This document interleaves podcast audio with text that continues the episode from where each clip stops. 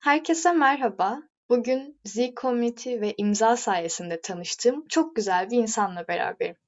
Yani kendi güzel, kalbi güzel, kalemi güzel. Daha ne olsun? Evet, Sıdıka ile beraber imzanın üçüncü sayısında Aralık ayında kaleme aldığı Doğru Parça yazısı hakkında konuşacağız. Eğer yazıyı detaylıca incelemek ve okumak isterseniz zcommunity.net web sitemizden imzanın tüm sayılarına ulaşabilirsiniz. Evet, Sıdıka hoş geldin. Nasılsın? Hoş buldum. İyiyim. Sen nasılsın? Ben de iyiyim. Çok teşekkür ediyorum. Güzel bir sohbet olacak, içten bir sohbet olacak. Bunu biliyorum. Ve aslında sohbetimize başlamadan önce benimle paylaştığın çok güzel bir alıntı vardı. Onu dile getirmek istiyorum. Elif Şafak'ın Firarperestinden bir bölüm. Gitmek ama nereye? Önemi yok. Gitmek ama niye? Cevabı yok. Aslında varılacak yer dahi o kadar mühim değil. Zira asıl olan gitmek, gidebilmek. Zaman zaman, her zaman. Peki Sıdıka, bakalım biz bugünkü gidişimizde neler keşfedeceğiz, neler öğreneceğiz? Dilersen ilk sorumla başlayalım. Sıdıka Şahin neden kitap okur? Kitap okumak, okumak üzerine düşünmek, bir şeyler yazmak. Tüm bunların senin düşünce dünyandaki yeri nedir? Neden kitap okurum? Önce onunla başlayayım. Bence her kitabın bir amacı vardır. Ne kadar bilgi vermek için yazılmış kitaplar varsa o kadar duygularımızı yönlendiren kitaplar da vardır. Kitap okumamın iki sebebi var bu amaçlarla bağlantılı olarak. Birincisi bilgi edinmek. Ama benim öncelikli amacım bu değil.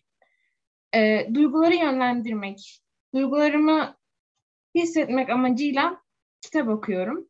Ve e, kitap okumak da bu sayede bana çok iyi geliyor. Anladım. Çok güzel ifade ettin aslında kendini. Bilgi edinmek dedin, bilgi edinmekten ziyade duygularımı hissetmek, belki ruhumdakileri keşfetmek. Bu çok güzel bir şey. Peki Sıdıkacığım, yani şu an senin neden okuduğunu veya okumak istediğini biliyoruz. Bu gerçekten şahane. Ancak diğerleri neden okur? Hiç bunun üzerine konuştuğun birileri olmuş muydu? Veyahut bir de bildiğin üzere kitap okumayı hiç sevmeyenler de var. Onlar neden sevmez? Senin, benim, bizlerin bunca sevdiğimiz şeyi. Tabii bunun üzerine çok konuştum. Hatta arkadaşlarıma buraya gelmeden önce de sordum. Aldığım cevaplar şöyleydi.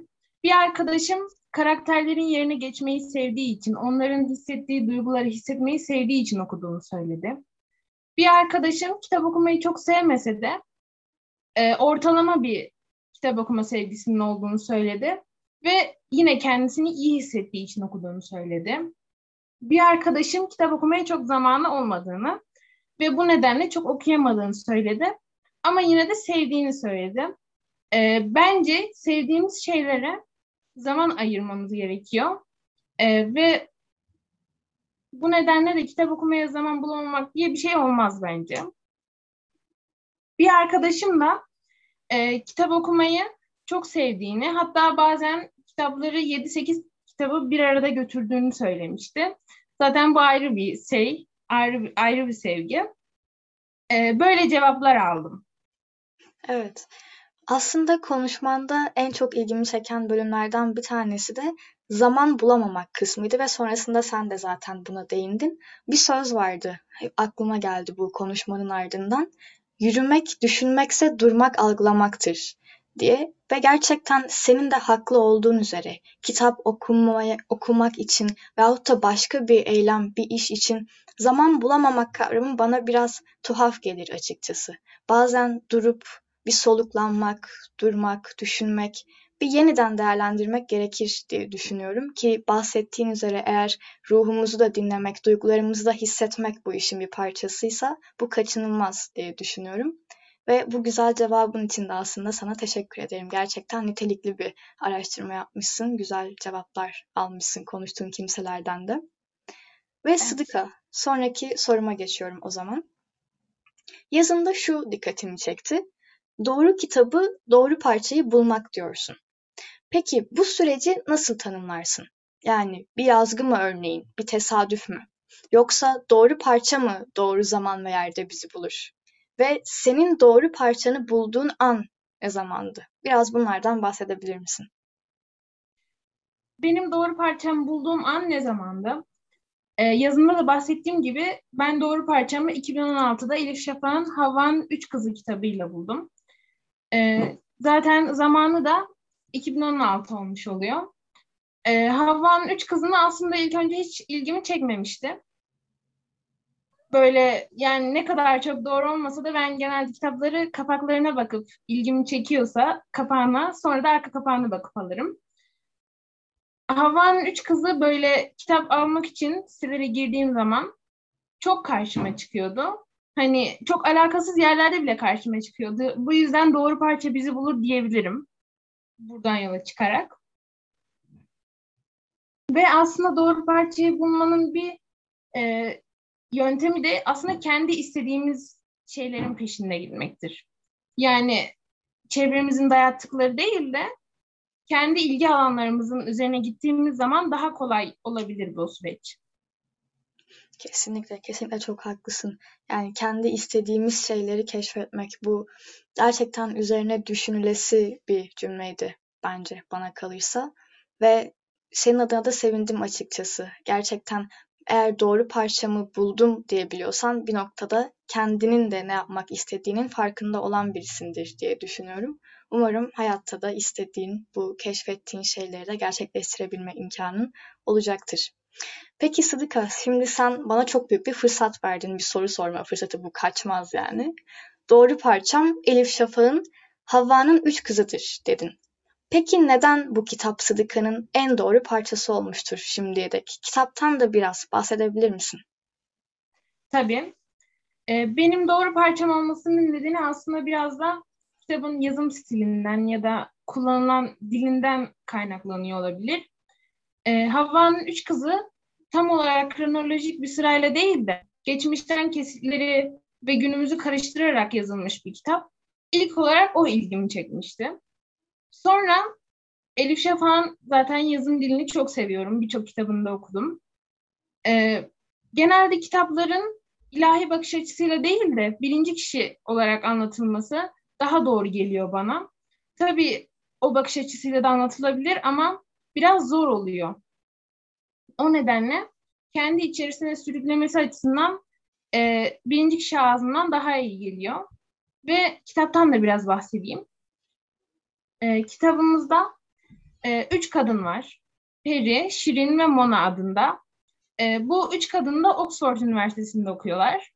Şirin, e, Peri ve Mona'dan bir ya da iki yaş büyük. Ve bunlar bir şekilde karşılaşıyorlar. Aslında bu kadınlar birbirlerinden çok farklılar. E, bu farklılıkları gözümüze batmaya başladığı zaman da olaylar başlıyor zaten. Bu şekilde devam ediyor. Anladım. Evet, sonu da sürpriz olsun söylemeyelim. Belki dinleyenler merak ederler. Onların da belki doğru parçası bu kitaptır veyahut da okumak isterler. Teşekkür ediyorum Sıdıka. Gayet güzel özetledin. Ve aslında burada bahsettiğin üç kadın gibi yazında bahsettiğin bir nokta daha vardı. Yani her kitapta başka bir hayat yaşıyoruz demiştin. Peki senin örnek verebileceğin ve evet gerçekten şu hayatı da yaşamayı çok sevdim diyebileceğin diğer kitaplar nelerdi? Onları da anlatabilir misin? Tabii. Ee, aslında benim doğru parçam ne kadar Havva'nın üç kızı olsa da e, yaşamak istediğim hayatlar biraz daha fantastik ve distopik kitapların içerisinde olan hayatlar. Mesela Açlık Oyunları, Uyumsuz serisi. E, bunların içerisinde olmayı gerçekten çok isterdim. O baskıyı, o bastırılmışlığı hissetmeyi çok isterdim. Ve ayrıca Jane Eyre. Onun içerisinde de olmayı çok isterdim. Çünkü Jane'in güçlü bir kadın olması ve ayrıca belki biliyorsundur bu kitap kadın hak ve özgürlüklerini e, savunan ilk roman olarak geçiyor. Ayrı bir sempatim var o yüzden. Hı hı. Bu hayatları da yaşamayı çok isterdim. Evet, evet anladım. Teşekkür ediyorum. Yani bilmiyordum o şekilde anıldığını ama sen dedikten sonra da bakacağım, inceleyeceğim. Teşekkürler. Gerçekten çok güzel ifade ettin. Neye ilgi duyduğunu, neye neden sempati duyduğunu. Umarım okuyanlar da bunu dinledikten sonra okuyanlar da seninle aynı düşünceleri paylaşırlar. Aslında yani genel olarak kitap okumaya sohbetimiz boyunca öznel bir perspektiften yaklaştık denebilir. Ve kıymetli yorumların, paylaştığın deneyimlerin için de sana çok teşekkür ederim. Son bir soru olarak da şunu sormak istiyorum. Kitap okumanın faydalarına yazında çeşitli araştırmalara yer vererek de değinmiştin. Bunlardan da bahsedebilir misin? Tabii. Kitap okumanın hem sağlığa hem kişisel gelişime müthiş katkıları var bir kere öncelikle. Ki zaten bunlar bilimsel çalışmalarla da kanıtlanmış faydalar. İlk olarak zeka gelişimine çok güzel bir etkisi var. Şimdiye kadar çalış, e, çalışmalar okumanın insanı daha akıllı yaptığını ortaya koymuşlar. Ve hatta 2009 yılında yapılan bir araştırmanın okumanın beyinde yeni bir beyaz madde oluşumuna neden olduğu gözlenmiş. Beyaz maddeyi kısaca açıklayayım. Tüm merkezi sinir sistemimizde bilgiyi aktarma görevinden sorumludur beyaz madde.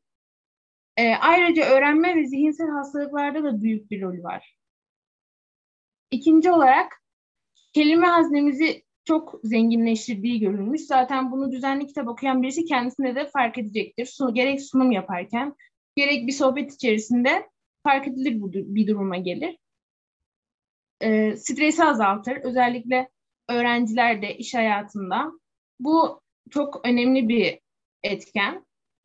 Hatta David Lewis'e göre sadece 6 dakika okumak, sadece 6 dakika sessizce okumak kalp atışını yavaşlatıp kasları, e, kaslardaki gerginliği azaltmak için yeterli gelebilirmiş.